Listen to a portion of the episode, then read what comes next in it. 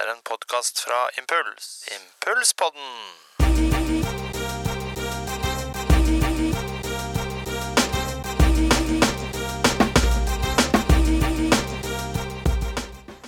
Yes, yes, da er vi i gang med første Impulspodden. Uh, Grace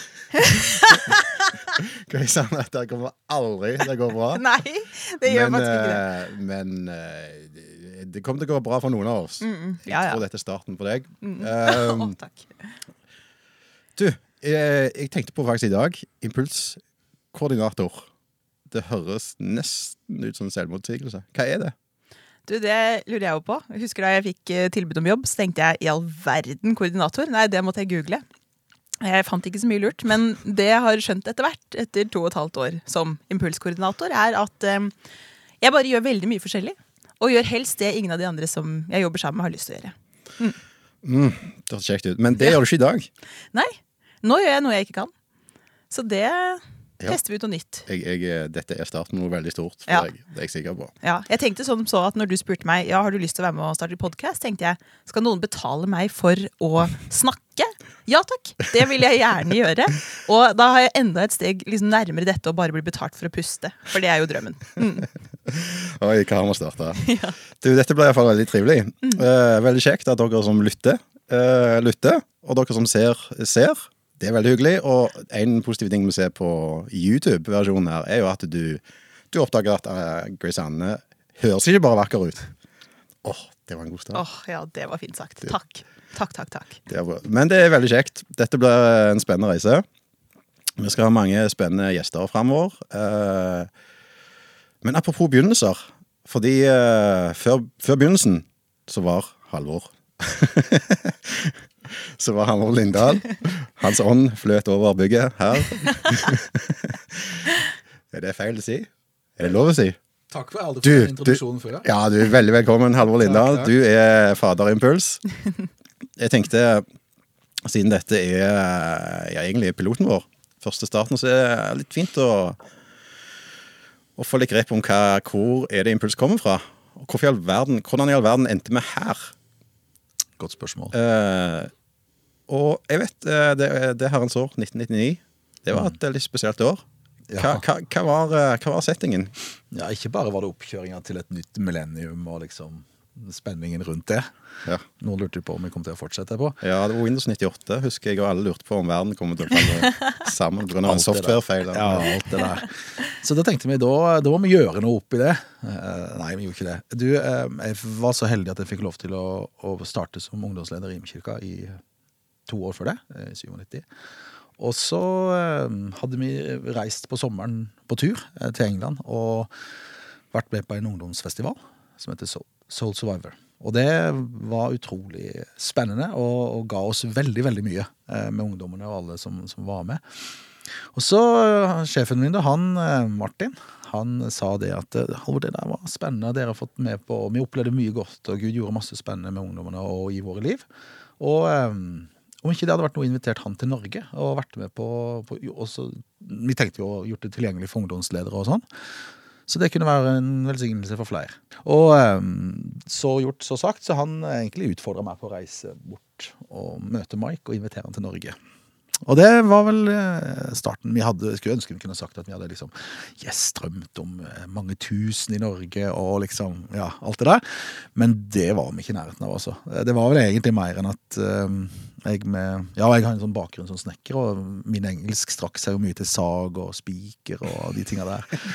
Så, så jeg ble jo satt på et fly og, og skulle treffe han der borte, et, om det var tungetale eller hva det var som eh, gjorde tingen. Men i hvert fall så forsto han og kom til Norge eh, den januar, og det ble starten. Jo, men Hvordan var det der første treffpunktet? Du, det var, det var helt uh, utrolig uh, Ja, spesielt. Jeg husker det veldig veldig godt. Uh, jeg tok toget fra London opp til, til Watford, der de holder til, i Solsø var jo kirka si. Og traff Mike inne på et kontor der. Eh, Det kontoret var ganske sånn der, sånn som kontoret ofte er. da. Sånne ungdomsledere som har vært en sånn skikkelig bomba. Det var sånn all over the place og greier. Og jeg husker han hadde, Opplevelsen var det den gangen at han hadde egentlig ikke tid til å treffe meg. Eh, Jeg følte skikkelig at du kom inn, og han hadde masse andre ting han måtte gjøre samtidig. Og jeg skulle prøve å stutre fram eh, 'Har du lyst til å komme til Norge?' Og jeg hadde liksom tenkt på mange innganger. og sånn, så det, hvordan skal jeg si det? Så jeg tror summen av det var at eh, Enten så syntes han så synd på meg at jeg må bare komme til Norge og hjelpe de der stakkarene. Eller så, så var det bare Gud som fiksa det. Jeg tror kanskje helst det siste. da. Ja. Mm. Jeg husker, for jeg var jo så heldig å være en av ungdommene du leda på den tiden.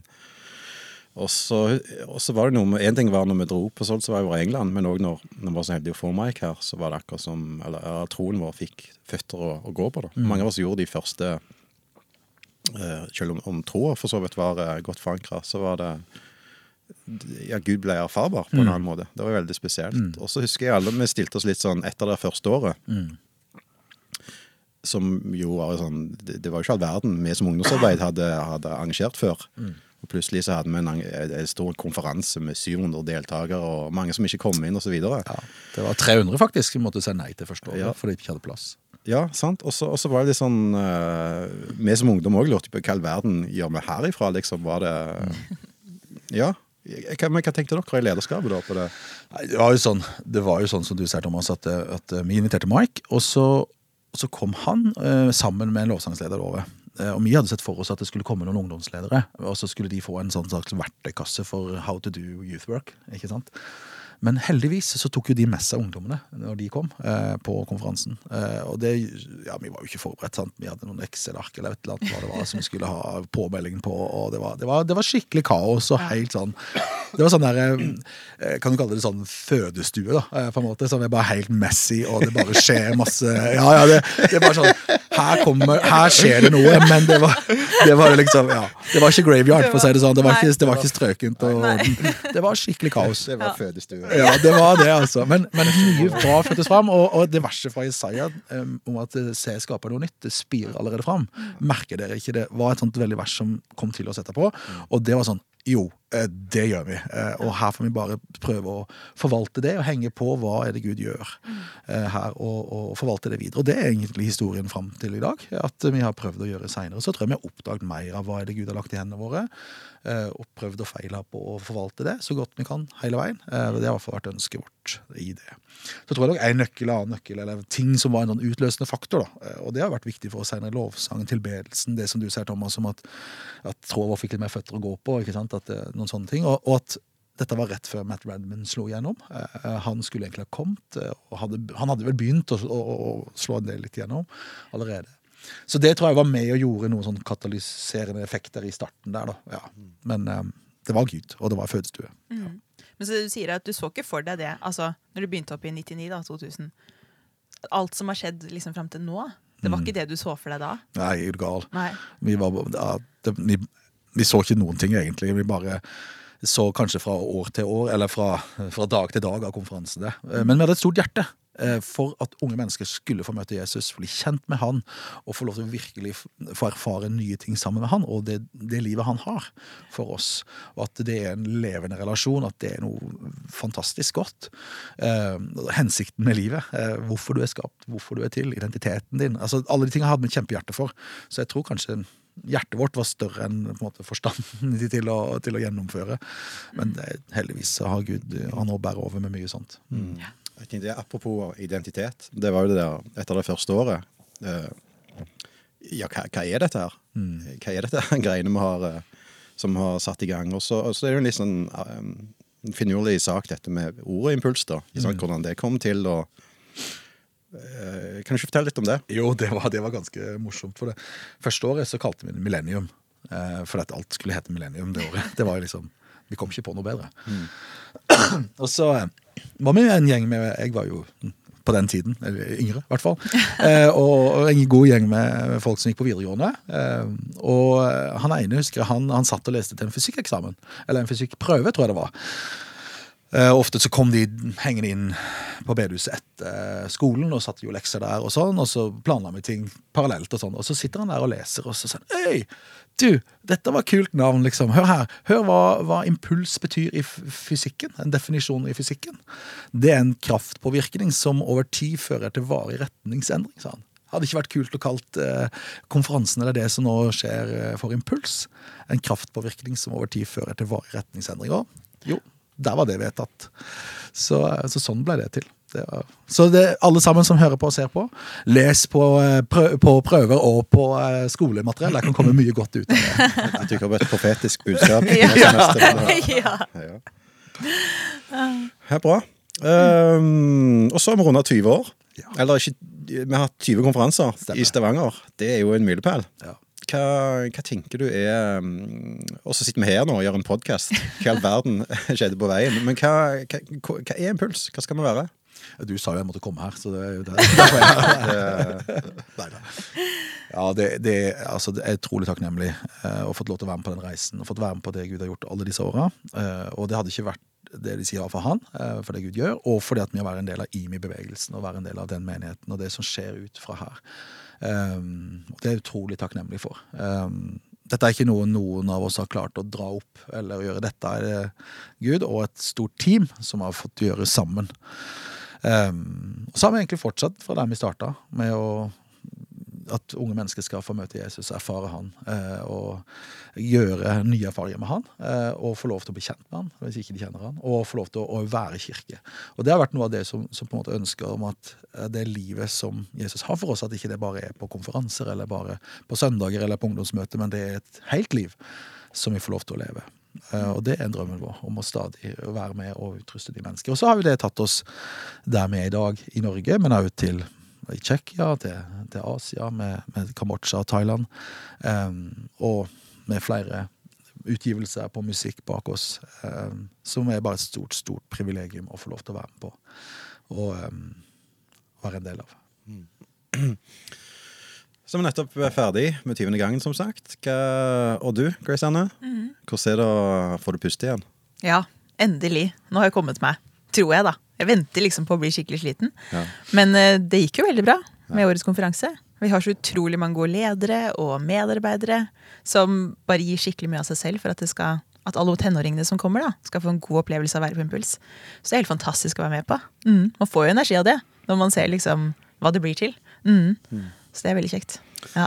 Men det, det fantastiske med deg er jo at det, eller det alle ser, er jo på en måte det åpenbare og programmet, ikke sant, konserten og talen og lovsangen og alt det der.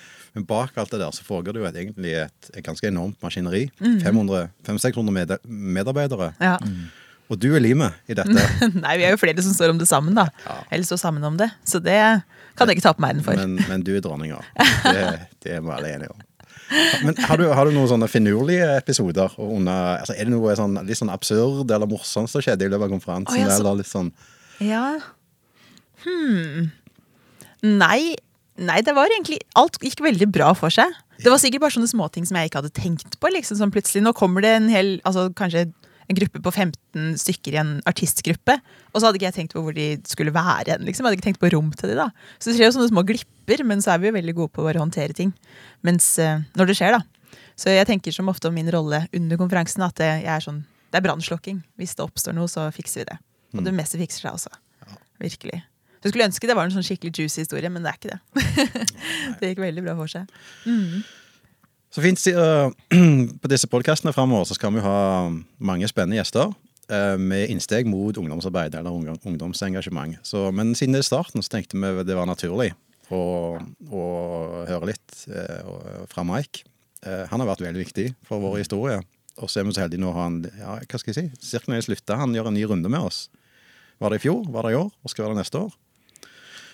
Og så var jeg så heldig å få lov å sette meg ned med Mike i, under lederdagen. Det var, det var en stor dag for meg. Han har betydd mye for meg. Så jeg fikk ta en liten prat med han på lørdagen vår, altså som er den påfølgende mandagen etter konferansen vår. Det anbefaler vi folk å gå på, gjør vi ikke? Veldig. Veldig. Det var, det var en restart og en fantastisk dag, syns jeg igjen. Og igjen, vårt ønske er å heie på eh, alle ungdomslederne rundt i dette landet her og ut forbi, og alle ungdommene som ønsker å være med og bety en forskjell. Og eh, forkynne for unge mennesker, og være med å modellere det å være kirke.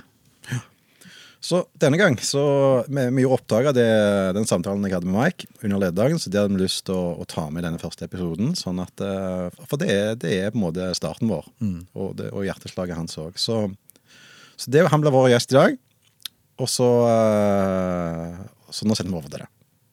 Well, Mike, it's uh, it's great to have you here. Thanks so much for being with us. Um, It's wonderful to be here. thank you, and uh, obviously, uh, hopefully, you know, but just to let everybody know, you mean so much to us. Obviously, you've been a, a major part of our story uh, in- within the Impulse movement, but also as a family. So we love you, and thanks so much for spending some time with us. Well, that's very kind. Thank you. Well, I feel the same. I, I value me as well.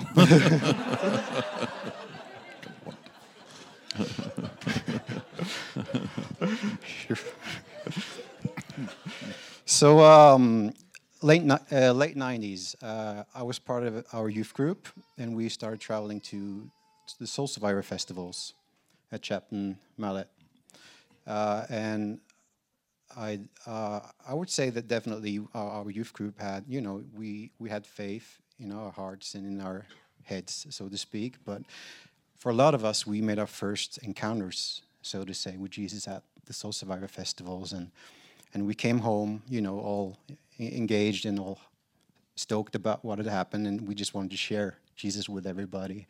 So uh, we sent uh, Halvor with his carpenter English down to hook you up, and and for, by some miracle, we got you to come, and you came, and and and what was thought to be just a, a a once once in a time a weekend visit from you kind of blew up and became impulse. And I think for all of us that uh, have uh, heard you or experienced you, or even this weekend, I think it's it's very it's striking and it's clear that you have a, a gifting when it comes to um, hosting the Lord's presence, and it's also so close to your heart. Um, and just letting you guys know that Mike did a, a great seminar on this yesterday, which we also taped, and we'll uh, we'll publicize that and, and and and do that. He also addressed some of the things that you know, obviously doing ministry, it sometimes gets messy, and you also address that. So that would be good for you guys to get into. But uh, but but this is the thing I, I wanted to ask you about because I've personally I've got to to follow you for the last twenty years, and us as a movement have have you know followed you in your ministry in your church, your movement, and I think when you uh, in in doing that, you kind of get to focus out a bit uh, and get a little bit more perspective. And, and what I actually think is so profound about your ministry is that it looks like wherever you go, uh, leaders just seem to, or fathers, if you want, fathers just seems to pop up. Uh, and I could mention, so obviously Matt Redman, uh, Martin Lissell, who was here and started up leading worship at Impulse. Um, Ben Cantelon, uh, Andy Croft, obviously. Um, um, there- there's so many guys, Tim Hughes, and I'm, I'm sure all these relationships have their own dynamics. I'm sure there's lots of people that invested in them, but but still, I think that's so profound about your ministry and your your life that leaders just seem to pop up.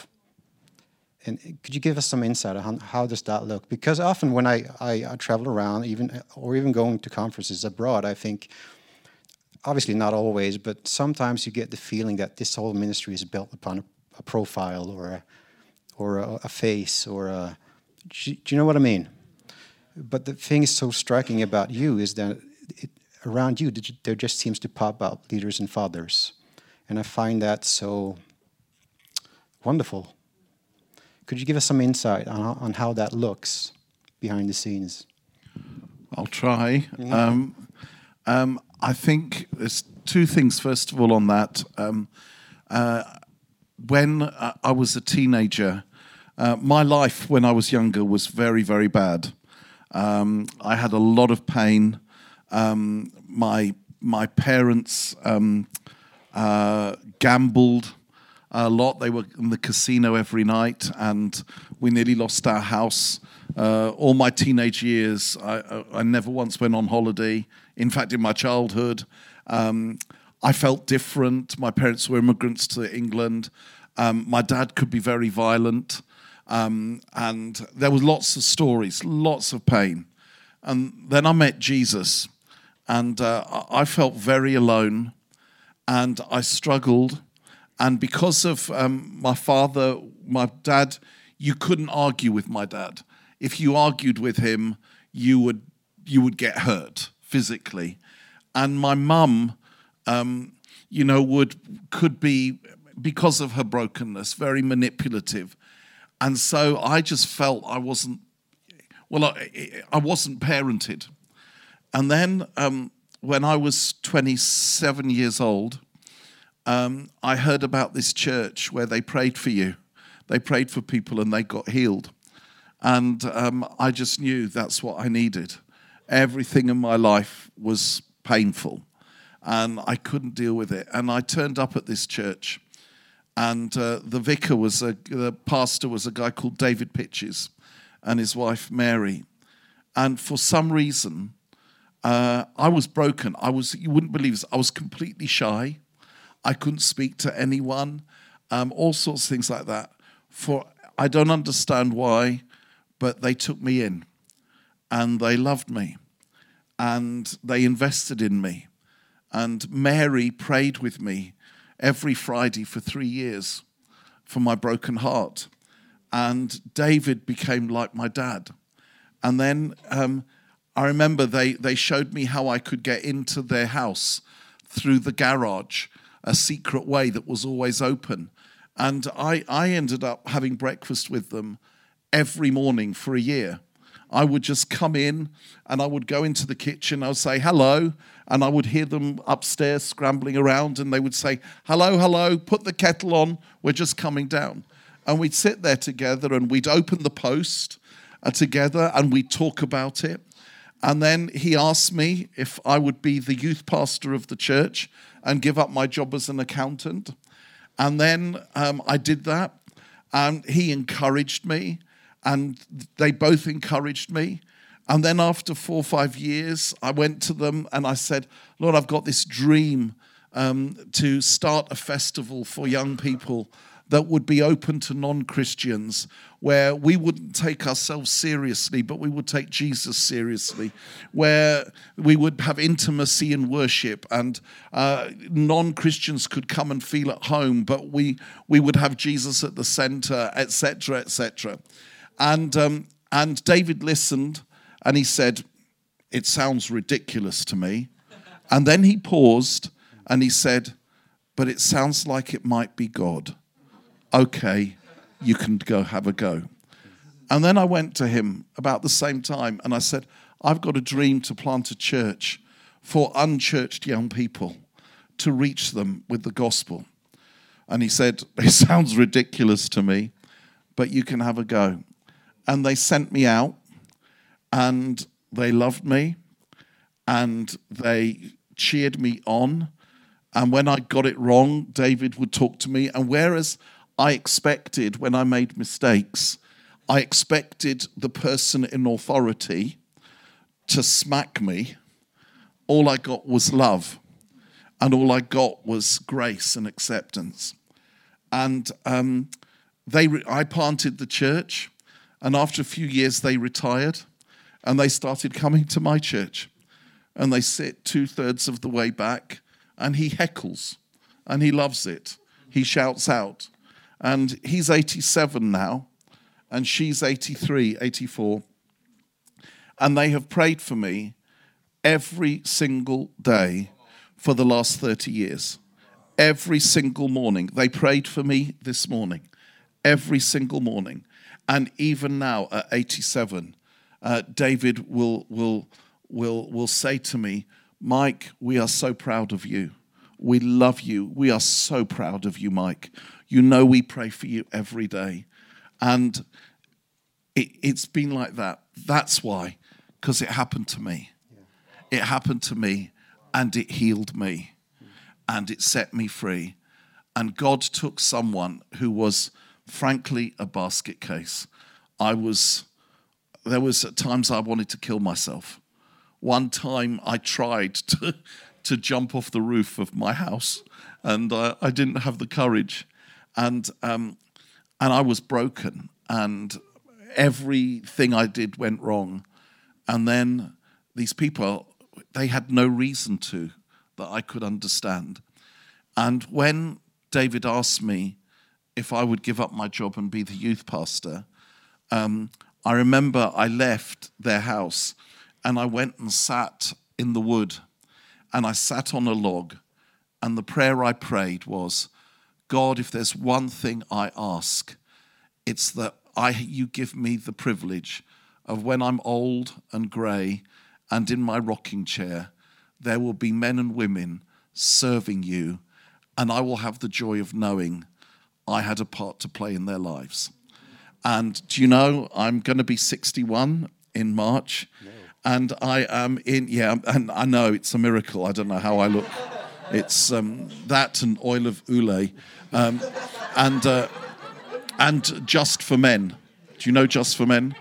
Yeah, it's, this, is, this is my natural color, this hair, with just a tiny bit of help from Just for Men, just here and here.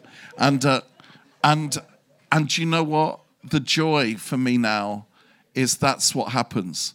There's, there's, there's young men and women, not just those you mentioned, you know, but all over the place who are just doing amazing things. You know, Sondre from here, Sondre Hossiter, who leads Hope for Justice. I knew him when he was 15, and he came over. We, you know, I, we regularly, and now he's just, I mean, in a different way. He never was part of our church, but, um, but I see him now flying, and it's like, oh wow, oh wow, how did you do that, Lord? And I, I think what it is is it's not rocket science. Um, it's if if I could say one word, it's encouragement. Um, encouragement to a human being is like sunshine to a flower. It causes you to open up. It causes you to blossom. It causes you, and and that's the thing. That's the thing to, to, to encourage, to be committed to people. Um, and the model is Jesus. I mean, I loved what the guys said earlier. I, I was thinking, oh my goodness, why did they have to do that? Because I'm just going to repeat everything they said. Um, but it's it's the truth. It's it's it's it's about family. And Jesus' model was, you know, where where where um, I might talk about this a bit more this afternoon, but you know, in Jesus' time, all the other rabbis, they went to the top rabbinical universities in Israel to choose their disciples. And they would look for the best of the best. And they would say, You, you're brilliant. You know, because the question they would ask, they had to ask was, Do I think this person can be greater than me? do I think this person can do greater things than me? And if they thought they could, if they thought they had great potential, they would choose the best of the best and they would point to them and say, Follow me. And then, you know, they would, they would follow their rabbi. Rabbi Jesus never once went to the top rabbinical universities. He went to the Sea of Galilee and he picked a bunch of morons. He picked I mean, seriously, you look at the disciples, you know, Peter, whenever he opened his mouth, he put his foot in it. You know, he just, it was like, I mean, just, just think about John and James. Just think about it. Jesus chose them. What was their nickname? Sons of Thunder. That was they weren't called sons of thunder because they had digestive problems. They were called sons of thunder because they had bad tempers. They were the bad tempered ones. It was a euphemism to have a thunderous temper. He picked them when they had bad tempers. And just look at them, just listen. Look, John, John, he, he, was, um, he was vengefully violent. Do you remember when him and James, they said to Jesus, Shall we call down fire from heaven and burn them all up? And, and all it says was Jesus rebuked them. Don't you wish you knew exactly what he said? And I have had special revelation that, that could be added to the scripture. And um, I'm joking, I'm joking before anyone worries.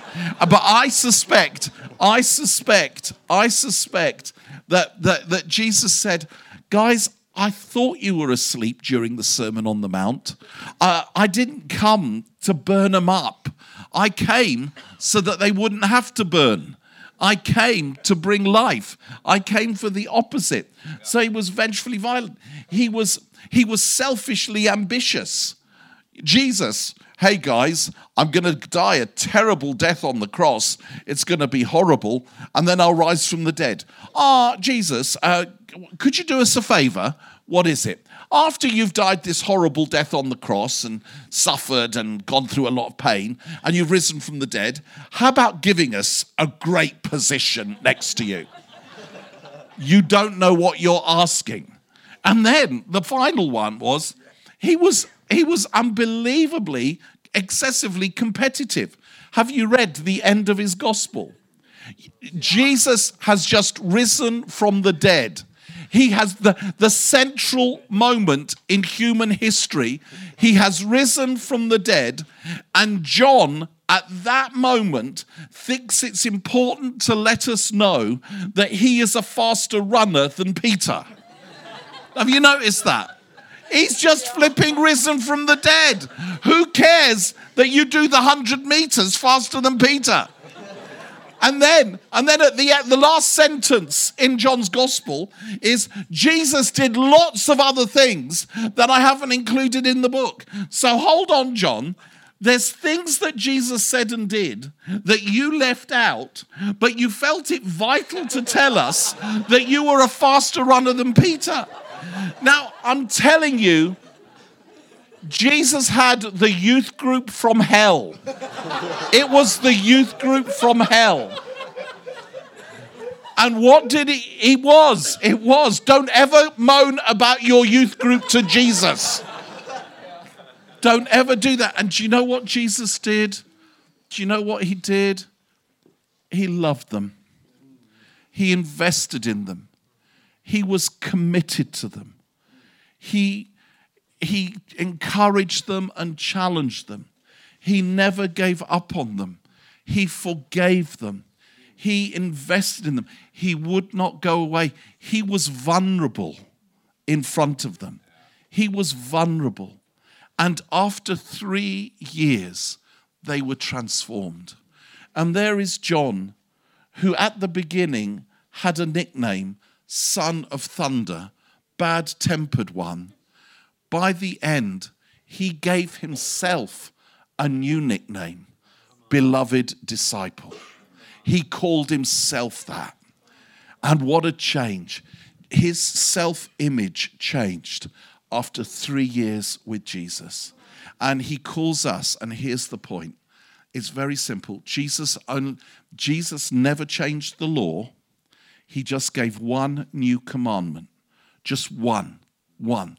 In John 13, and then he repeated it in John 15 that we love one another as he loved us. And the reason he gave that is because he knew that that's how he wanted his church to function. It's exactly what Martin said. We're, we're not an institution, we're a family. And when you understand that, you know, and, and I've, can I just say this? Sorry, I've just gone off. I'll come back to you in a second. Um, but you know what? We, you need to understand that, that you, you know, Jesus Jesus picked ordinary, broken people and they changed the world. And what he did is he saw what they could be. He saw what they could be. And he invested in them. And what happens in lots of churches and lots of Christian organizations is leaders look for the finished article, they look for the best of the best. I was in I was in uh, a, a, church a leaders conference for church leaders. I I don't go to them anymore. I can't do it. And as the leader of a very successful, big, wealthy church, he said to these church leaders, "What you need to do if you want to grow your church and have a big church." Is go and find the best choose the best, and pay whatever you need to pay. to have them on your staff. Surround yourself with the best of the best. And if you do that, you will have a church like mine. And I sat there, and a bit of me knew what he was trying to say. Don't feel threatened by gifted people and have them around. And that's right. But I was thinking, you are saying that to the vicar, to the pastor of St. Botolph's in the Marsh, who has a congregation of 37 and a dog.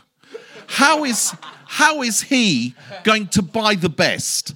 How dare you? How dare you say that? How is he going to buy the best? For you to buy the best, some of us have got to raise the best. And you know what? In a business, you hire and fire employees. In a family, you raise up sons and daughters. And our calling in the church is to raise up sons and daughters. And do you know what? If your seven year old son, when you tell your seven year old son to load the dishwasher and he messes it up, you don't say, Come here, little Johnny, sit down. We're going to have a review of your job performance. I, I'm sorry, but you've just you're not just functioning as we want you to. I'm going to give you your notice, and we're going to bring in a seven-year-old from across the road to take your place. You don't do that. If you're a mother or a father, what you do is you do the washing up with them for as long as it takes, for months, for years. You never give up on your kids because you know what they can be. And you invest your heart and soul. You pour yourself out so that they be, may be mature.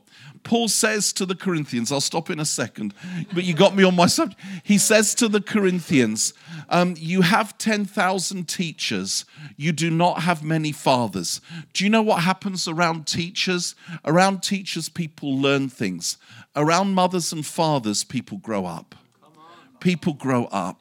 And it's, it's my colleague Andy, who, uh, you know, he, he was my intern when he was 18 and we went round the world together and we read the bible right through together and i remember driving in new zealand and he'd be in the back and he'd say hey this this this geezer elisha some kids were teasing him and he had them all put to death. What's all that about? And we'd have to wrestle with the theology of that. And he was 18 you know now he, he and i are joint senior pastors of the church and um, and he is he is a much better preacher than I am. If he was doing this, he'd be organized and you'd have notes. He's a much better organizer than I am.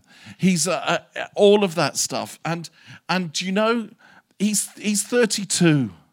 He's 32. And and it was literally a little while ago. I was um um you were telling you were we were talking about Richard and Prue the other day. And um, there's an elderly lady in my church called Prue. And uh, I'd been away and I came back and I said to Prue, um, how, was, how was the church on Sunday? And she said, Oh, Mike. She's in her 80s, late 80s. She said, Oh, Mike, Andy Croft was brilliant. He preached the best sermon that we have had in this church for years. And then I saw her eyes as she suddenly realized what she'd said. And then she said, Oh, oh no, no, no, no, your talks are good as well. And I said to her, It's too late. The damage is done. But you know, between you and me, I love it. I love it. It's what I long for. I love it. I love it. I love seeing him flourishing you know, I was, and and and here's the fruit. You know, here's the fruit. I, I wasn't going to. I'll say this, and I'm not saying this in any way to boast, but because of my brokenness from my childhood when I was in my twenties, because um, I was claustrophobic emotionally, and I couldn't. I just couldn't do any kind of relationships or anything. Um, you know, I, I, I, I, I'm, I never got married. I'm single. I'm celibate. Uh, I'm, I'm, I'm, I haven't had kids. I'm not going to have kids. But do you know what? God's taken me on a journey where um, I'll never get married now because, I mean, at my age, to get married at 60, 61 for a few years of sex. It's just not worth it. It's it's ridiculous. It's it's. I mean, I've lasted all this time. It's you know I, have to. I.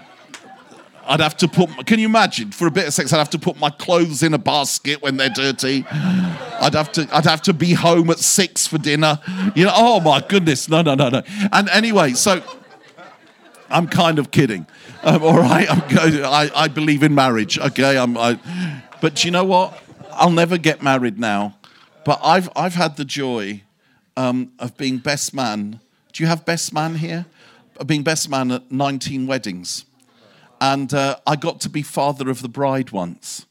And do you know, I was best man at Andy's wedding. I was best man at Matt Redman's wedding. I was best man at Tim Hughes's wedding, and a whole bunch of others. And there was this, this one, one of the happiest moments of my life, was there was a girl called Sarah. In fact, she's Matt's sister, actually. And um, um, her, their, her, their dad committed suicide uh, when Matt was seven and Sarah was two. So she never knew her dad.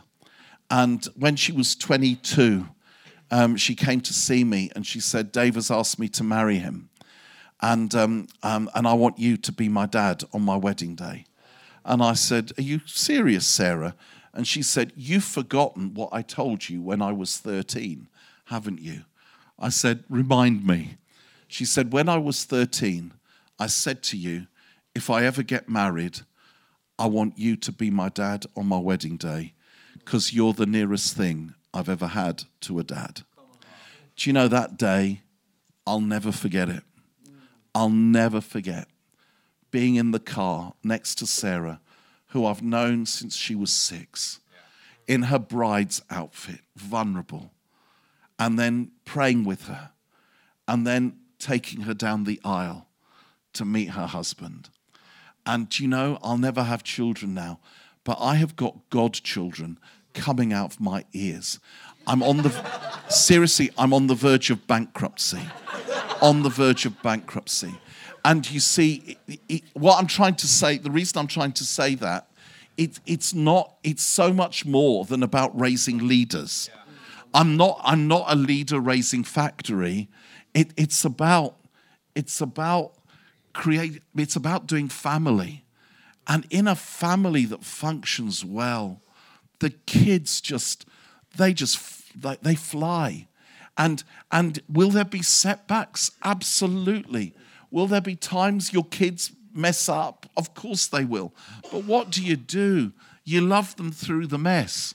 You love them through the setbacks and you stay committed to them because you know, you know in your gut what they can be and you're absolutely determined to sacrifice anything so that they might be all that they might be. Very, very quick story, and then I'll, I'll you, we can go for lunch or whatever it is because i think we're an um, you know, in 1955, um, there was a lady in Oklahoma called Elizabeth Henson, and she had this old green coat. And the green coat was torn, it was worn, it was dirty. She'd had it for years, and it was made of velvet green, and it was horrible. And she looked at it and she thought, This is rubbish. Why have I still got it? I'm going to throw it away. And she went to throw it away, and her son said to her, Mum, if you're going to throw that away, can you give it to me instead? And she said, Why do you want this? It's a rag. It's worthless. And he said, I want it, mum. And she said, Okay, you can have it. He took it to his bedroom. He started to cut it up into pieces. He got a table tennis ball and he cut it in half and he sewed it on the rag. Do you know what that worthless green coat became? It became one of the most, the most famous frog on planet Earth, banjo playing. He, he, he, that frog has had songs that have been top of the charts. That frog actually won an Oscar. And that frog has had a, a, um, a relationship, a love affair with the most gorgeous, the most beautiful celebrity pig you have ever heard of. That piece of green cloth in the hands of Jim Henson Elizabeth's son, became Kermit the Frog. And he could see what it could become. And it's exactly what they were saying earlier. Jesus sees what, who we are and who we can be when you get rid of the brokenness, when you get rid of the stuff, when you go through that. And we need to learn to see that in others. And then it's day by day, it's doing it Jesus' way, it's hanging out, it's having conversations. It's so much more than, you know, I'm going to mentor you between six and seven on a Wednesday. It's about doing life. It's about being vulnerable. It's about them seeing your failings as well as the things that are good. It's about being honest about that. It's about going on a journey. And you know what? As you do that, they start developing and they start doing things you could never do. Matt was in my youth group when he was 13. He was this broken kid. Then his song, then, you know, I, I, had, to, I had to push him to learn the guitar and the first time he went to lead worship, I, I had to beg him. He wouldn't lead worship. He didn't think he was good enough. He didn't think he could do it. He, he cause, and, and, and now, and then after a while, his song started going around the world. And we would travel. You know, he was this kid in my youth group when he was 13. And then I remember we went on a trip to South Africa. And um, we arrived and we went through customs. And um, our hosts ran to meet us. And I, the pastor, I went, and they all ran past me. And they ran to this kid. And I stood there while they were saying, oh, You must be Matt Redman. Oh, we love your songs. We love your music. It's such an honor to have you with us. Da, da, da, da. And I just stood there. And then eventually one of them came over to me and said, Hello, who are you? and I said, My name's Mike, Mike Pilavachi. Oh, what do you do, Mike? I pastor a church in England called Soul Survivor Watford. Soul Survivor Watford. Isn't that Matt Redman's church? I wanted to say, I'm also a homicidal maniac. but you know what? The truth is, I love it. The truth is, I love it. And you know what? I, I want to, I want to, you know, in my old age, I don't want to sit there looking at photograph albums. I want to sit there looking at people, people who are doing wonderful things. And you know what? When, when, all, when it's only about you and your spiritual career and your anointing and your thing, there's, a there's not much joy. But when it's about so many others, like a parent, you take joy when they when they you my heart swells my heart swells. And that's how it works. And that's what it's about. And and the thing is we can all do this. We can we can all do this. This isn't a special gift. I'll, I'll just say that there are some people that you know you, there are a few people you meet. The moment they become a parent they're like a natural it's like instinctive. They have their first baby, and the first moment they bond with it, they know exactly why it's crying, doing that. Most, most parents can't do that. Most parents, the first baby, it's like, oh, it's crying, it's crying. What's wrong with it? What's wrong with it? Oh, oh, am I doing the right thing? Um, uh, am I doing this? And that, by the time you've had the third or fourth, you don't care. Oh, it's okay. Oh, it's natural. Yeah, yeah, that's fine. I get it you've learnt how to be a parent. You've learnt by experience. And you know what? For some, this is instinctive, but for the rest of us, it's like being a parent. You learn it. You learn it. But you've got to start. And the reward is the joy, the joy of seeing them flying. I say to Andy regularly, well, the moment you feel ready to lead the church on your own, I will step, the whole church knows I will step back and I'll be an assistant pastor in the church. And you know his reply? His reply is, Why on earth would I want to lead the church on my own? I'm leading it with my best friend. Why would I want to lead it on my own? And you know, it's wonderful. It's, it's the values thing. It's what you were saying. It's about team. It's about doing it together. Sorry, I, the lights, I, I will answer the next question in 30, 90 seconds. No, that was wonderful, wasn't it? Um,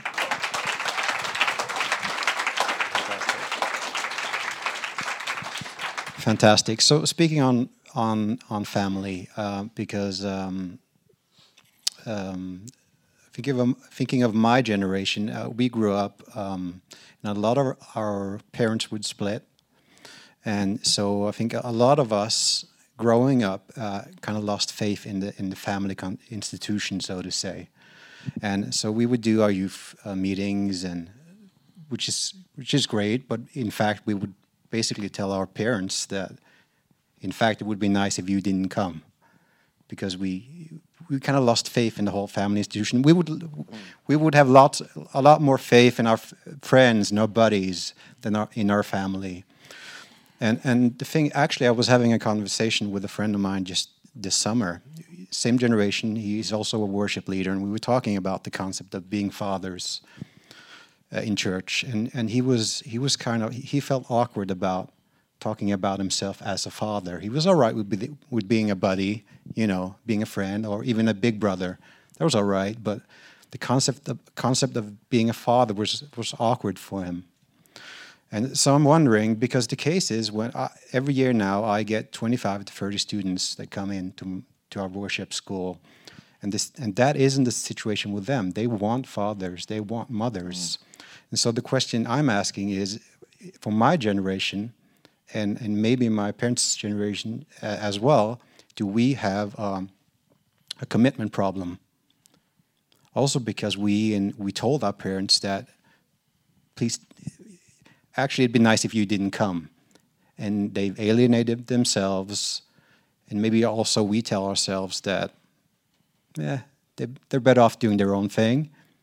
So I'm asking myself, uh, do a lot of us do we have commitment issues when it comes to being fathers or mothers? Do you see what I'm saying? Mm. Do you have a take on that? Um, I, I, I, well, I think so. For what it's worth, I think first of all, um, I, I know it's not your question, but I think I think there is a value in being brothers and sisters.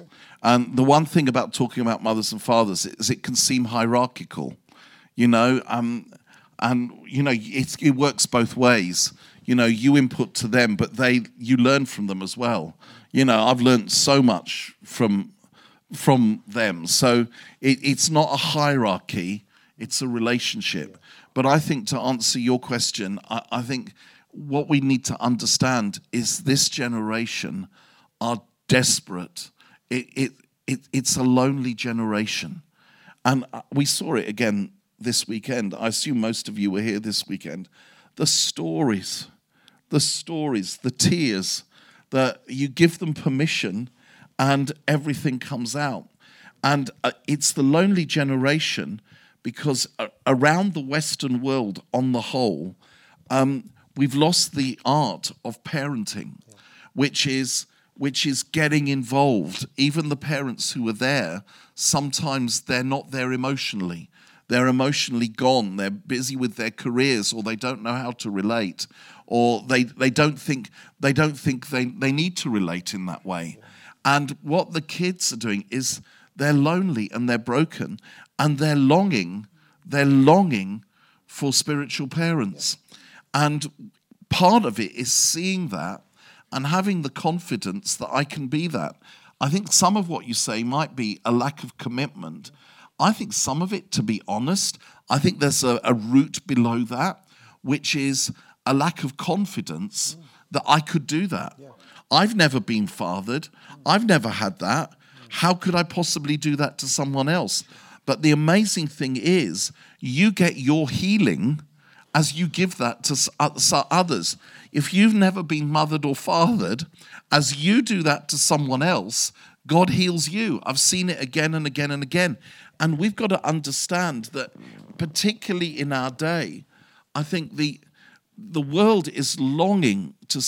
That you know what? That, it's good to do things well. It's better to do things in church well than to do them badly. You know, but if we think we're going to win the world with a great show, we, we must be mad. You know, after three weeks of a great show, they get bored. There's loads of great shows out there. The main question non Christians ask when they come to church actually is not what is our doctrine of the crucifixion. although that's important. It's not what are our sexual ethics, although that's important. The main question they're asking is could I belong here? Would, would, if they knew me, would they still love me? If they knew my secrets and my shame, is there place for me? So, do you know what they do when they come? They look around and they look to see what are our relationships with one another? Are they real? Are we vulnerable? Are we genuinely family? And then they think, maybe there's hope. Maybe this could be home. And that's what we need to do. And, you know, just one little story. We, we have um, in our church, we have a whole bunch of folk who have, um, from, who've been addicted to alcohol, drugs, gambling, everything. And we have recovery groups. And whenever, um, whenever something um, uh, happens, um, there's, uh, we celebrate. And so there was um, a few weeks ago, I was told that that Sunday, um, there was a lady called Yvonne in our church. It was her one year anniversary of being alcohol and drug free. So in the notices, I said, Yvonne, stand up. And she stood up, and I said, We celebrate achievements. This is Yvonne's today, one year anniversary of being alcohol and drugs free. The whole church started clapping and cheering, cheering, cheering. The look on Yvonne's face, it was, she was drinking it in. And you know what was wonderful? Was on the Wednesday afterwards, I had an email from a lady in our church. She happened to bring to church for the first time ever her stepsister. Her stepsister had never been to church. She came for the first time ever, and she was seven months free of alcohol abuse. And when we did that, the lady emailed me and she said, My stepsister turned to me and she started crying. And she said, Is that what you do in your church for people like me? You celebrate people like me? That lady is now in our church. She's now in our church. That's how it's meant to work. And that's what you do in a family. Wow. Um, so, lastly, I, I, really wanted to touch on this with you because I think in the Western world, um, we have this really high value on core family, uh, talking about mother, father, kids. Um, and even in, in our in our political landscape, we, we, we value that extremely highly. But I, I had an interesting uh, conversation a couple of years ago with somebody that said that actually, when you look historically on it, or even biblically, um, the high value isn't isn't really on the core family. Core family, it's on the larger family. And and I hadn't thought about it like that before because it, it totally makes sense. I mean, um, even looking at looking at my own family, I mean, I I think my my wife loves me, and sometimes she likes me even. Uh, uh, but she would go crazy without her extended family. And I think maybe sometimes we we value too highly, if that makes sense, the, the core family um, set up against the extended family as a church should be. Do you see what I'm saying? Do you have any thoughts on that? Oh, oh yeah, um, I that would land do. us till lunch. I, well. Yeah, I certainly do. I think um, I, I, I, I, think that's right. I think biblically, it, it, was in the context of the extended family, the aunts and aunts, the slaves, the the, the grandparents, all of that. Um, but I don't think it's. It, I, I, think the issue is not valuing less sure. the nuclear family. We must value that. It, that is biblical you know, husband and wife and children. It's absolutely biblical, and we need to honor that and respect that and and um, and encourage fidelity to that. But the best way, the best way to honor the nuclear family is to be extended family. It takes a village to raise a child, and you put so much pressure on people if you put everything on on a few relationships. and and also for me as a single person, you know, I used to, you know, I used to years ago as a single person when I went to my friends who were a family, and I'd knock on the door, I'd think, oh, I'd feel, oh. Do they really want to see me? They want to be family together.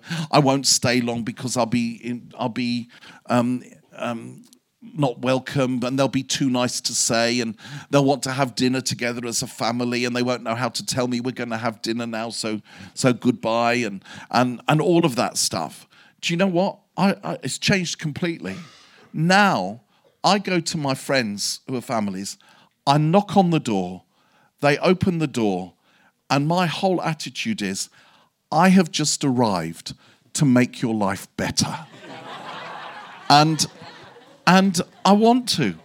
And they make my life better. And and I love playing the role. Like with Andy and Beth, my friend Andy and his wife, uh, they've got three little kids. I love being Uncle Mike. I love, I love, I argue with Andy and Beth all the time, and about how they bring up their little kids. They're three, they're two, and they're nine months, and and I I I break the rules. I give them chocolate because chocolate is very good for you. It's very healthy. And, and actually, I'll say this there, um, there is actually, you could pray about this. Um, there is a, there is, there's a lot of tension at the moment um, between myself and Andy and Beth. It's very difficult in our relationship. And the reason is it's obvious that their kids love me more than they love them. And I say to Andy and Beth, what can I do? They just love me. They just love me. Better luck with number four. I mean, what can I do? I'm kidding, but do you know what? I have a role to play in their lives and I can enhance their lives and I can I can bring greater joy in their marriage. You know, be, that's how it's meant to be. And we're meant to be an extended family. And it's not nuclear family versus extended family. It's extended family is the greatest blessing to a nuclear family. And I think it's both. Wow. Well, that was uh, that was food for thought, wasn't it? So, um, Mike, we, we love you so much. Thank you so much for being our extended family. Um, luckily, we have you with us for another few hours, but um, should we just pray together? Yeah, just before we do, can I just ask, um, when do I get the honorarium? Is that you? Yeah. You got it. All right. Okay. He's, he's on it. Okay. I was just Okay. checking. That- That's a joke. Uh, well, it's not very funny. It's not very funny. It's a joke. What? Close in prayer. Close in prayer rather than okay. All right. And Father, I thank you for my brothers and sisters. I thank you for what is represented in this room, for the amazing gifts that you have given. We don't get proud of them because they're a gift. For the way you've led us and called us, the way, Lord, that you've um, given us a heart for your church and for your world. And Lord, I pray that you would anoint us anoint us for the task.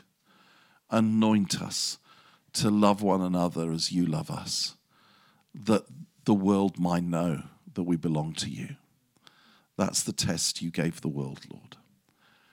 And Lord, show us how to be Barnabas's sons and daughters of encouragement. Show us how, Lord, to love those that you give us as Jesus loved his disciples. And Lord, I pray that you would give us the great joy, the great joy of even being grandparents and, and seeing, seeing men and women doing amazing things that we could only dream about. And to know that we had the privilege of cheering them on and making space and believing in them. Lord, I pray for this nation and for your church. May it rise up. And Lord, may it never be about the love of power, but about the power of your love. We commit ourselves to you. We commit ourselves to you. In Jesus' name. Amen. Yes, det var min, eh, min gode samtale, vil jeg hevde. Eh, Eller ja, samtale. Det var min gode monolog med Mike Pilivacci fra Impuls eh, lederdager. Eh, som sagt, jeg har veldig lyst til å oppmuntre dere til å eh, melde dere på Impuls lederdag. Det var, jeg syns det, det var et høydepunkt. Eh, bare sånn den gode samtalen i bunnen. Så der er du ungdomsleder der, så bør du være på lederdager. Det er knallbra. Og ikke minst hvis du har ungdommer som du har lyst til å investere litt ekstra i så sett av den påfølgende mandagen etter Impuls. Nå, Gracie. Har jeg lov å si Gracie? Mm, nei, egentlig ikke. Men det går fint den ene gangen. Men da går vi videre. Nå er vi så heldige å ha besøk av Elise Kuleseid, som vi også får lov til å jobbe sammen med. Og hun er jo aktiv da i lovsangsmiljøet her i Imekirka. Og hun er lovsangsansvarlig i Impuls, og du jobber på Akta bibelskole på lovsangslinja. Og i det siste så, ja det var jo januar, så har jo Impuls nå gitt ut et nytt album kalt Drømmested. Og det er jo veldig kult. Velkommen, Elise. Tusen takk. Kjekt å ha deg med oss. Takk. Em, det første spørsmålet jeg har lyst til å stille deg, er jo Har du alltid drevet med lovsang? Tja Eller ja, hvordan fant du stemmen din? på en måte? em, Jeg har jo alltid likt lovsang siden jeg var liten. Men jeg eh, begynte ikke å lede lovsang egentlig før jeg kom til IMI og Stavanger. Men eh, jeg har hatt en vandring der jeg som barn eh, syntes det var veldig kjekt med lovsang. Elska dine på gudstjenesten. Hørte masse på lovsang hjemme. Og så eh, ja. Fun fact. Ja. Fun fact. Elise hadde trommer som hovedinstrument en periode. ja. Ja, eh, så fjernt var det for meg å synge. Så når jeg begynte på musikklinja, så hadde jeg tromme det første året som hovedinstrument. Wow, kult. Så neste år da på Impuls så spiller du trommer istedenfor å synge? Skulle jeg likt å sett. Det vil si at eh, eh, trommelæreren min han eh, syntes at eh, jeg spilte såpass dårlig at han eh, satte meg mest på xylofon. Og så sa han sånn Xylofon er òg et slagverk. Det er så bra. Så ja. Veldig kult. Men nå jobber du jo også i Impuls, og vi er jo kollegaer alle vi som sitter her nå. Veldig kjekt. Eh, men hvorfor gir vi egentlig ut musikk i Impuls? Nei, det er jo fordi at eh, eh, For det første så opplever vi vel at eh, vi har en slags utrustning til å gjøre det.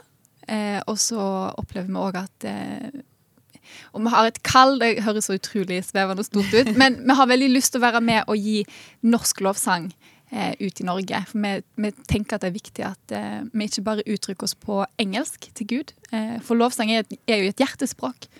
Så vi har lyst til å være med og velsigne Norge, og spesielt tenåringer, da, til å kunne uttrykke seg på norsk til Gud. Ja. Og så er det jo òg fordi at eh, vi har en sånn grunnleggende tanke om at vi ønsker oss å gi av våre talenter og gaver tilbake til Gud. At han har lagt ned i oss, da vil vi òg gi tilbake. Men er det ikke litt skummelt også, det å gi ut noe? Altså et album og låter og sånn som du har jobba masse med, gitt mye av deg sjøl. Og liksom det uttrykker hva du ønsker å si til Gud. Og så kan bare hvem som helst dømme det nord og ned. Når du har gitt ut, da. Jo, eh, det er liksom både ja og nei. Eh, på forhånd så er det veldig nervepirrende fordi at du eh, Til slutt så er vi jo ofte veldig fornøyd med det vi gir ut. Eh, og så tenker vi litt sånn at eh, vi er jo ikke en haug med noobs. Vi er jo veldig opptatt av kvalitet sjøl. Så når vi, liksom, når vi begynner å bli fornøyd med noe, så har vi jo en grunnleggende tanke om at dette her er jo bra. Blir du noen gang lei av låtene? Er det sånn at du liksom gir det ut, så bare hører du aldri på det igjen? Ja. Sånn er det veldig Det ofte. ja. Eh, men det må sies at eh, eh, vi er ikke lei av sangene når vi bruker de i lovsangssettinger. Eh, da våkner de alltid til liv, men jeg hører veldig lite på det de gir ut. Mm. Men eh, akkurat dette nye albumet 'Drømmested' da har jeg faktisk hørt en del på. Og da hadde vi, vi hadde et mål om at vi hadde lyst til at eh, dette albumet ikke bare skulle på en måte eh, funka godt i en lovsangsetting, men vi hadde et ønske om at dette skulle være noe som var fint å lytte til. Så en av de sangene jeg hører mest på når jeg sitter på bussen, det er 'Være her hos deg', som hører på alle disse her vokalsporene til Sara Elise og alle stemmene, som er veldig sånn Imogen Heap-inspirert. Eh, og som er Ja. Det er fint for mine ører å høre på òg, da. Sant. Men har du, en, har du en sang som liksom Du kjenner den er ekstra kjær for meg nå? Fra Impuls. Ja. Um, Altså som du har, altså, som du har bidratt på, eller vært med og skrevet? ja, fra det nyeste. Ja, for eksempel. Mm, sånn, eh, det føles nesten litt sånn utleverende, for det er så nært. Har du et sånt forhold til noen? Ja Nei, jo Um, jeg, Jo, men da, sånn forhold har jeg nesten til alle som jeg er hovedlåtskriver på. Ja. En ting er når du bidrar på andre sine ting, så kan du på en måte bidra med kunnskapen din, men eh, sånn som episk fortelling og Her framfor din trone, som eh, er skrevet ut ifra egen åpenbaring om hvem Gud er, da blir det jo mye mer nært og em, ja, Ja. enn andre ting. Men blir det, blir det da sånn Høyner det sannsynligheten for at du bruker den, eller minsker den litt for at du blir så minsker. Ja? Ja, skikkelig. Uh, og det er litt sånn Da kjenner sikkert du deg òg igjen i, men um, for det første så har du ikke lyst til å pushe fram din egen sang. Fordi at for meg så er låtene veldig levende, og jeg forstår språket, og jeg, jeg skjønner på en måte hvor den kommer fra. Men jeg vet jo ikke før andre folk begynner å bruke det, om dette er noe som resonnerer eller er forståelsesfullt for noen andre. Så det er mye lettere for meg å pushe alle de andre sangene enn de som jeg har eh, eh, født sjøl. Siden vi snakket om Det fødestue. er mye føding. Ja, sant. Men eh, em, altså, du bruker jo veldig mye av tida di og gavene dine på å eh, være med i forskjellige lovsangsteam. Men tenker du noen ganger bare sånn Nei, drit i dette, jeg vil heller ha en soloartistkarriere og bare ja, melder deg på The Voice eller et eller annet sånt. Ja. Mm. Eh, nei. Eh, der, der tror jeg på mange måter Det, det høres skikkelig cocky ut, men eh, jeg har inntrykk av at det er ganske rart at jeg aldri har hatt lyst til det. Jeg vi møter veldig mange som, eh, som har brukt eh, som, er, som er glad i lovsang, men som òg har lyst på en artistkarriere. Eller som har lyst til å skrive lovsang og mainstream musikk. Eh, meg, jeg for min del ble lurt inn på musikklinja av ei venninne. Eh, hata å opptre. Eh, prøvde å unngå alle huskonserter og den slags. Hadde skikkelig sånn angst for å framføre ting. Og så eh, kan jeg huske når jeg kom til IMI, og for mange så er liksom scenen her på IMI ganske stor. Men for meg så opplevdes aldri en scene som stor, fordi at når jeg er i lovsang, så presterer jeg ikke for noen. Um, så for meg å tenke at jeg skulle heller gjort noe annet mainstream, det er utrolig fjernt. Og hvis du spør meg om å synge i bryllupet ditt eller i begravelsen din, Det kommer jeg til å spørre om. Ja. ja. eh, så sier jeg nei. Fordi at jeg bare hater den der Nå handler det om deg og din stemmeprakt, og du skal trollbinde våres øyre, liksom. Da, da, nei. Det er ikke for meg. Nei, så vidt. Ja. Men du leder jo eh, Impulsbandet. Um, og jeg kjenner til den gjengen der. De er utrolig fantastiske. De gir så mye av seg sjøl og investerer i andre som kommer etter seg. Og, ja. um, og så nevner du, Det er Thomas som ofte bruker den sayinga her da, med at det er ingen åndelige superstjerner i Impuls. Em, for man tenker jo bare på bandet som helhet. Og jeg var i byen her i Stavanger da. Denne uka så kom det en dame som jeg snakka med, og hun bare 'hæ? Er Impuls fra Stavanger?' Og jeg bare 'ja, du er fra Stavanger, så visste du ikke det', liksom. Eller litt sånn, ja.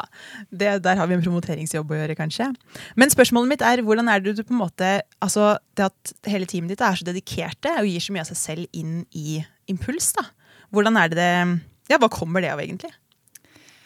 Um, jeg tror det er to hovedting det kommer av. Eh, det første er at eh, folk som vi velger ut med inn i Impuls, det er folk som vi eh, vet at er tilbedere, og som har eh, ikke bare et hjerte for musikk, men de har et hjerte for å tilfredsstille Gud. Eh, så jeg tror at for deg å få lov til å være med i en sånn, et sånt miljø der vi skaper og ja, skaper ting til Gud, så, så er det en, et eget gir.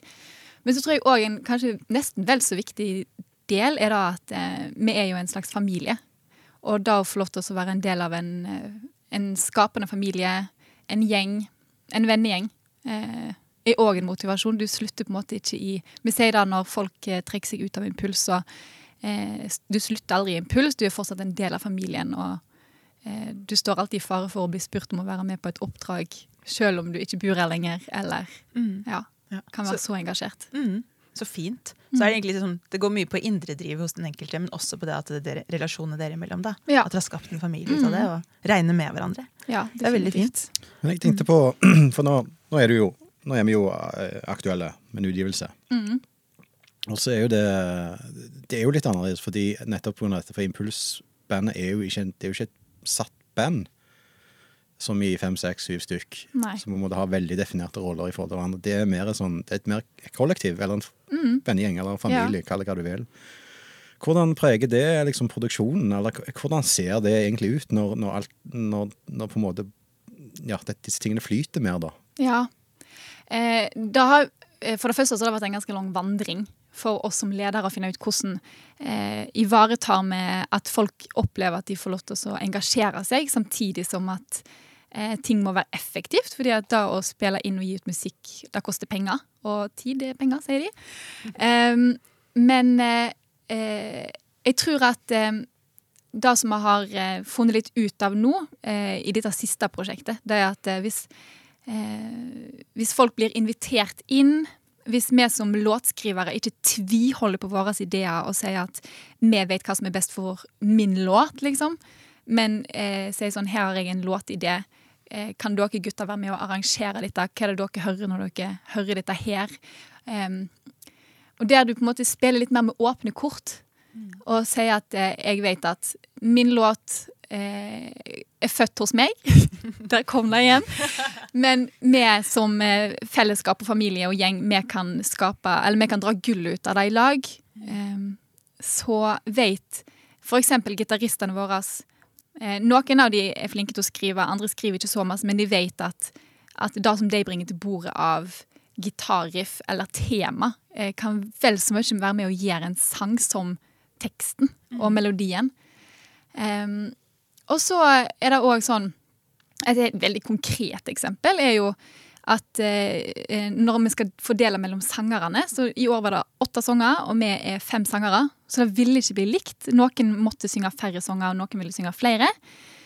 Eh, og så sa jeg til Ingeborg, da, som synger 'Kom la oss tilbe', som kunne sunget hele albumet alene, og det hadde vært helt fantastisk å lytte på. Eh, men så er vi en del av en gjeng. Men så vet jeg òg at hun er definitivt den sterkeste til å legge stemme, og at hun er så effektiv i studio. Så da sa meg og Tore, mannen min, at eh, du Ingeborg, du synger 'Kom la oss tilbe', men du har òg ansvaret for å legge, finne ut hva stemme som blir finest på alle sangene, og så er det du som legger stemme i studio. Og, så, og at hun kan coache oss andre sangere for at vi skal bli flinkere, siden hun er den mest tekniske. da. Eh, så selv om hun da endte opp med å synge én sang som for veldig mange sikkert er fornærmende, ikke for Ingeborg, fordi hun er en helt og veldig, veldig bra, eh, så fikk hun allikevel være med å bringe til bordet det som hun er, har liksom en it-faktor på. da. Og er også en sånn ting vi er veldig opptatt av. Hva er liksom it-faktoren din i Impuls? Og så prøver vi å spille hverandre gode på det. da. Så kult. Mm. Veldig bra, altså. Men hvordan, for du, Nå snakker du litt om rammene for hvordan dere gjør ting. Men jeg tenker liksom helt konkret, hvordan er det du skaper rom for de kreative prosessene i teamet gjennom året? For dere har jo skrevet alle låtene selv. og ja. Ja, Mm. det er veldig tidkrevende. eh, og em, når du skaper ting, så er du nødt til å Det hjelper liksom ikke å sette av fem timer en ettermiddag, fordi at du vet ikke om kreativiteten eh, treffer deg. Så det vi prøver å gjøre, det er at vi setter av f.eks. låtskrivingshelge. Em, eller sånn som i eh, høst så var vi en tur til Danmark, og så reiste en gjeng der tidligere for å sitte der og skrive i lag. I lag med låtskriver og musikere. Eh, eller at vi møtes eh, eksempel i helg og, og liksom OK, her er låtskissa. Nå begynner vi å arrangere i lag. Eh, så ja, det, ser, det vil se veldig forskjellig ut ifra, egentlig fra låt til låt. Noen sanger, sånn som for eksempel Alltid god, som er en mer eh, Hva eh, sjanger kaller vi det? En mer eh, Syntpop, var det det? en syntpop, skandinavisk syntpop, eh, så eh, er det da typisk at den kan vi sende til Simen, eksempel, som er kjempeglad i å programmere. Og så kan vi spørre om han kan komme med et utkast. Eh, men så er det òg En annen del er jo ikke bare hva tid du setter av til det, men eh, eksempel at folk skal tørre å komme og legge ting til bordet. Eh, for det er en sånn med kreative sjeler og kunstnere som Nå kalte jeg oss kunstnere. Nå, nå kjente jeg at jeg ble litt sånn flau. Eh, eh, vi er jo veldig avhengig av bekreftelse, og vi kan fort bli såra hvis ikke fellesskapet er trygt å dele i. Så en annen ting som er vel så viktig, er jo at vi, vi må være bevisste på å gi gode tilbakemeldinger. Mm. Og eh, ikke bare få inn forslag og bare avfeie det, men at vi må Ja. Mm. Ta ting seriøst. Jeg tenkte på spørsmål eh, nummer én på sånn lovsangseminar er ofte Folk finner ulike måter å stille det på, men det, det er egentlig i bunn og grunn hvordan kommer jeg inn i impulsbandet eller en annen Eller hvordan spiller jeg på en stor scene, liksom, er ofte spørsmålet. Ja. Og så finner de en fin måte å si spørre det på. Og så kommer neste spørsmål. Får dere betalt? Ja. Nei. Men uh, ja. Ja. altså, hva- er Ja, hvordan er innsteget i eh, impulsbandet? Liksom, har dere folk på audition, Mm. eller Jeg har faktisk blitt spurt eh, flere ganger om noen har lyst om de, folk kan komme på audition, liksom. Ja, ja. Eh, da sier vi nei til. Eh, Ikke gjør det, altså? ikke kom på audition. ehm, men eh, vi har en som har kommet inn i impulsteamet med å sende mail.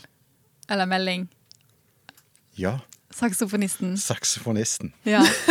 Han sendte melding til deg, Thomas. Gjorde han ikke det? Jo, det gjorde han. Det har du helt rett. Så Og, han, og så da funka den ene gangen. Men nå er det jeg som er leder. Det funker ikke lenger. Men, men, eh, men han, han skrev at uh, Jeg har veldig forståelse for at det ikke, om det ikke funker, men bare lurte på om han kunne være med på en øvelse eller to. Ja. Og så hadde han jo litt sånn, litt sånn relasjon, relasjoner Ja, vi kjente jo til han. Mm. måte, Så det var en veldig sånn fair greie. Han, han, han liksom hadde bare lyst til Kan jeg få lov å prøve og bare være med? Og veldig forståelse hvis det ikke funker. Så da, Ja. Og så føltes det som en sånn trygg greie, da. Altså, Vi var trygge på at hvis, hvis vi opplevde at dette ikke fungerte helt, så, så tok han den. Ja. Så det heldigvis ordna det seg, da. Men det er ikke normalen. Nei, det er ikke normalen. Og ehm, flesteparten som er med i Impuls, eh, morsomt nok, har nesten alle gått på bibelskolen vår her på IMI. Akta bibelskole. Eh, og det er nok mye fordi at når du kommer på bibelskole her, så blir vi som i Impuls, men òg lærere, vi blir kjent med deg. Eh, og så får vi hjerter for folk, og så ser vi hva hjerter de har for tilbedelse, og så eh, får vi så behov for at de blir en del av Impuls etter en stund. Eh, så det er en måte. Men så har vi òg eh, eh, de siste årene begynt å se veldig ned til tenåringene våre, som er her på huset i Join.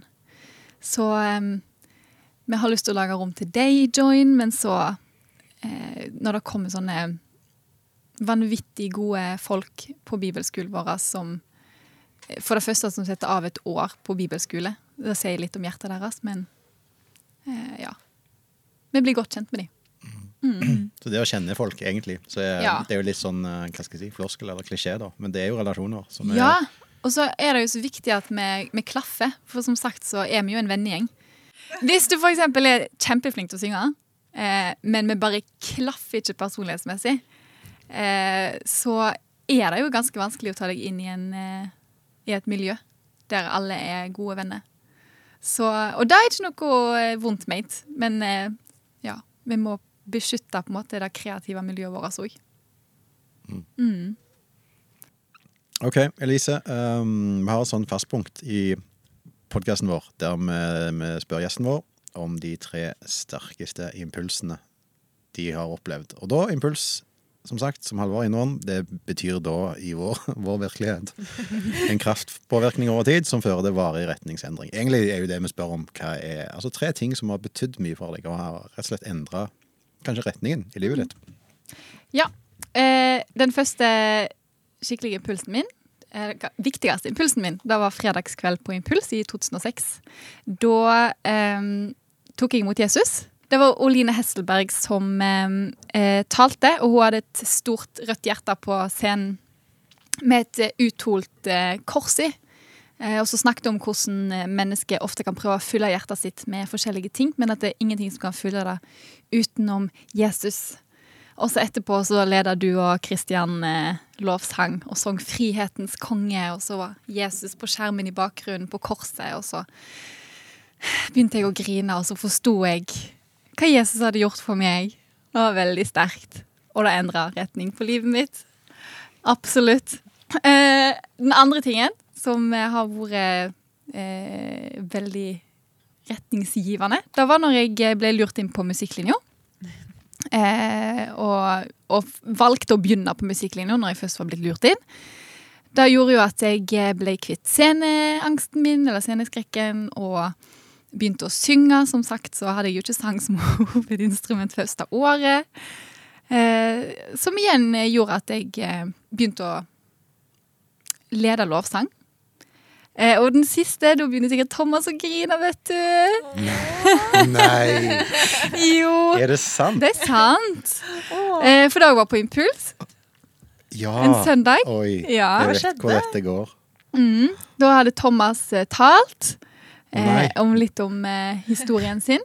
Husker du det? Ja, jeg husker det. Men, Mm. men nå Ja, OK. Ja. Eh, og så talte du om hvordan, eh, eh, hvordan du hadde opplevd å bli dømt. For eh, folk hadde vært litt kritiske til at du som nyfrelst leder lovsang. Aha. og så under lovsangen etterpå så, så opplevde jeg at Gud talte til meg om at du og Elise har dømt Thomas og syns han er en skikkelig fis. eh, og eh, overbeviste meg om at jeg måtte gå og gjøre opp i min sak.